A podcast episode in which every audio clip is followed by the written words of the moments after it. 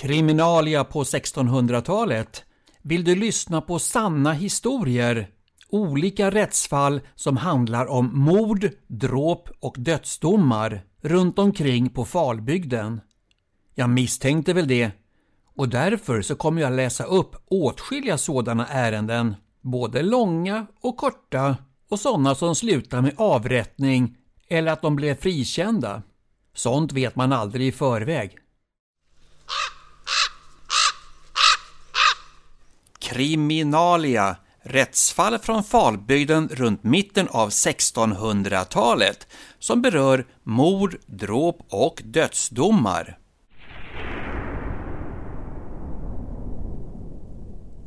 Denna gång handlar det om två ogifta pigor.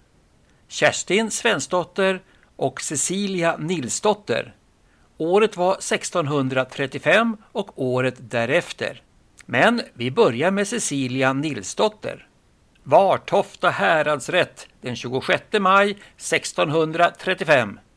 Fram inför häradsrätten ställdes en ogift kvinna, Cecilia Nilsdotter, och hon bekände att hon under en tid haft lägersmål med sin husbonde, en gift man, Helge Gotbarn i Kymbo. Vad ordet lägersmål innebär får ni försöka räkna ut själva. Och detta skedde medan hon var i tjänst hos honom. Dock har de inte avlat barn tillsammans, utan så som hennes matmoder bekände, det vill säga husbonden Helges hustru, att hon själv mestadels var natt blev utkörd av Helge och Cecilia låg inne hos mannen medan hustrun blev angripen och slagen alla dagar för hennes skull. Därmed har Helge gjort edsöresbrott och av begripliga skäl rymt sin kos när denna missgärning blev uppenbarad. Det är inte troligt att han kommer hit igen och inget finns att böta med för honom.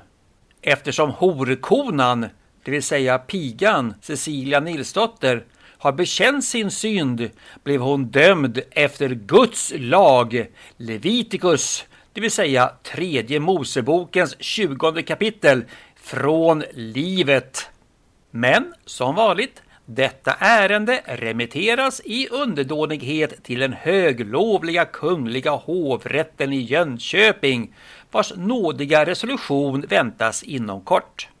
Nåja, nästan ett år senare, Göta hovrätt den 18 maj 1636 en dom från Vartofta härad över Helge Gotbarn, en gift man i Kymbo som har belägrat sin legokona, alltså tjänstekvinna, eller piga som vi säger idag, Cecilia Nilsdotter. Helge har också brutit edsöret och har nu rymt, men hon har bekänt. Göta hovrätt beslöt därför att Cecilia ska böta 40 daler vilket motsvarade ungefär en hel årslön, samt avbedja församlingen och stå uppenbara skrift, så som det kallas för att bli upptagen i församlingen igen. Helge däremot, han ska efterlysas så han kan fångas, tingföras och dömas. Men vad jag vet så är det ingen som har sett honom sedan dess. Så vi förflyttar oss till Vartofta häradsrätt den 12 juli 1636. Inför häradsnämnden ställdes Bengt Jonsson i Gunnestorp och han blev anklagad av Elin Persdotter i Börstig och hennes bror Anders Persson att han hade slagit ihjäl hennes dotter, hans legopiga eller tjänstepiga Kerstin Svensdotter, vilket hade skett nu den senaste Markusmässodagen, det vill säga den 25 april. Och detta inträffade på följande sätt. Bengt Jonsson sade åt sin piga att bege sig till Tovarp i Göte vid socken tidigt om morgonen efter en argekrok. Men vad detta är för konstigt trästycke har jag inte kunnat begripa mig på riktigt. På vägen hem, där Kerstin bar på den, fann hon tre vipägg, det vill säga från en andfågel. När hon kom hem fann hon att Bengt Jonsson drack med sin bror Anders. Så pigan slog sönder äggen i en panna och tillredde dem åt sig samt fick lite bröd av sin matmoder som hon tjänade hos. Sedan befallde Bengt Jonsson att hon och en annan piga skulle gå och hämta vidjor. Då frågade Kerstin vart hon skulle gå och hustrun svarade att de skulle gå till Lundagårdsbottnen.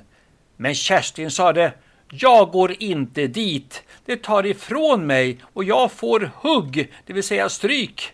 Där var folk i lördags som tog dem ifrån mig. Då svarade Bengts hustru. Ja, men gå då till Grimskällebottnen. Där tager ingen ifrån dig. Därefter gick Bengt och hans hustru till ladan och kastade korn på logen. Kerstin kom efter till logens dörr och satte sig på en syll i logskälet samt frågade ytterligare en gång vart hon skulle gå efter videor där hon var säker på att inte få hugg eller stryk som vi säger idag. Då svarade Bengt jag har nu sagt till dig tre gånger Gå vart skam du vill och skaffa mig videor. Då svarade Kerstin Jag har inte fått någon mat idag. Jag orkar inte gå så långt. Men då svarade Bengts hustru Åt inte du upp vipäggen med bröd till? Kerstin svarade då Det förstod inte långt. Samtidigt tog Bengt Jonsson upp en prägelkäpp, det vill säga en slaga, inne i ladan och kastade mot henne. Han hörde att käppen träffade och studsade tillbaka in på logen. Med detsamma föll Kerstin omkull från syllen och vid pass två alnar, eller drygt en meter, blev hon liggande tills de tog upp henne. Då var huvudklädet blodigt. Där de fick in henne och ransakade skadan hade hon ett hål i huvudet på vänstra sidan ovanför tinningen. Sedan när hon kände sig lite bättre lät Bengt henne få gå till Falköping till hustru Ingrid som försökte hjälpa henne. Dit gick hon i tre dagar men när Bengt förstod att Ingeborg inte kunde läka hela skadan skaffade han en annan bårdskärare från Tovarp varefter Kerstin fick ligga till sängs i tre veckor. Därefter sände Bengt Jonsson efter kyrkoherden herr Jakob i Falköping att han skulle förhöra Kerstin, vilket herr Jakob bekände inför tinget att han hade gjort tillsammans med Per Björnsson i Gunnestorp. De hade frågat Kerstin hur hon hade fått skadan och då svarade hon Jag vet inte hur jag fick den, men jag satt på syllen och talade med min husbonde och matmoder vilka befallde mig att gå efter videor. När jag sade att jag ingen mat hade fått blev Bengt Jonsson vred och kastade något ut ur ladan. Vad det var vet jag inte, men samtidigt föll jag omkull. Antingen fick jag skadan av det han kastade eller vid fallet mot någon sten. Det vet Gud, men då fick jag hugg i huvudet. Några dagar därefter dog Kerstin och sedan dess har släkten varit där och ransakat platsen där pigan föll omkull ifall någon sten kunde ha gjort skadan, men så var det inte. Ransakningen fortsatte med hennes huvudkläde där det fanns två hål innanför snippen som var uppvikt, men utanpå var inget sönder. Härav kunde inget annat prövas än att änden på snippen hade tagit emot pannan och fört huvudklädet i skulten. De två små hålen har benen gjort, vilka gick sönder av skulten när käppen träffade huvudet och studsade tillbaka in på logen. Först sade Bengt att han inget visste eftersom han stod nere i ladan. Men eftersom Bengt Jonsson inte kan fria sig att hon dog av hans gärning sköts målet till häradsnämnden som rannsakar ifall dråpet skett med vilja eller av våda. Det var nämndens enfaldiga mening att Bengt hade kastat käppen för att slå pigan, men det tog värre än han ville. Därför kunde de inte döma det som våda, utan för våda i viljeverkan. Så efter Guds lag, Exodus, andra Mosebokens 21 kapitel, som förmäler den som slår en människa så hon dör, Han ska straffas på samma sätt. Därför kunde inte nämnden fria hans liv. Någon månad senare, Göta hovrätt den 12 september 1636. En dom från Vartofta härad över Bengt Jonsson i Gunnestorp som med en käpp slagit sin tjänstepiga Kerstin Svensdotter i pannan att hon därefter några dagar blev död. Göta hovrätts beslut. Detta påläggs lagläsaren. Punkt 1. Han måste förklara vilket kapitel han dömer efter. Punkt 2. Den kungliga hovrätten vill veta om målsägaren ber för dråparen eller ej samt skicka hit uppgifterna snarast. Så tillbaka till Vartofta häradsrätt den 26 oktober 1636. Denna dag presenterade ädle och välbördige landshövdingen Karl Sigesson till Skaletorp den höglovliga kungliga hovrättens förklaring förmälandes att en sak var remitterad tillbaka om dråpet som Bengt Jonsson i Gunnestorp begick på en legopiga, Kerstin Svensdotter.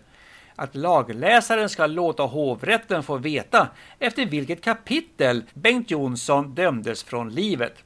Så är denna ringa häradsrättens enfaldiga svar att eftersom samma sak i sig själv något sällsamt sammanhänger och man efter gärningen och sakens omständigheter inte kan finna något kapitel i vår landslag som egentligen tar upp detta specifikt, så dråpets straff har lagläsaren tagit efter Guds lag som ingår i vår tryckta lagbok och som förfarna konungar gett makt åt att få döma efter i sådana mål som inte är klarlagda i lagboken. Alltså är Bengt Jonsson dömd efter 21 kapitlet i Exodus.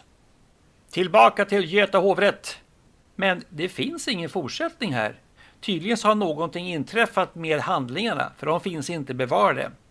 Allt vi kan göra är att försöka spåra upp den här personen i skattelängden. Och sex år senare, 1642, så hittar vi också Bengt Jonsson i Gunnestorp i Falköpings landsförsamling. Alltså bekräftar detta att han slapp undan dödsdomen.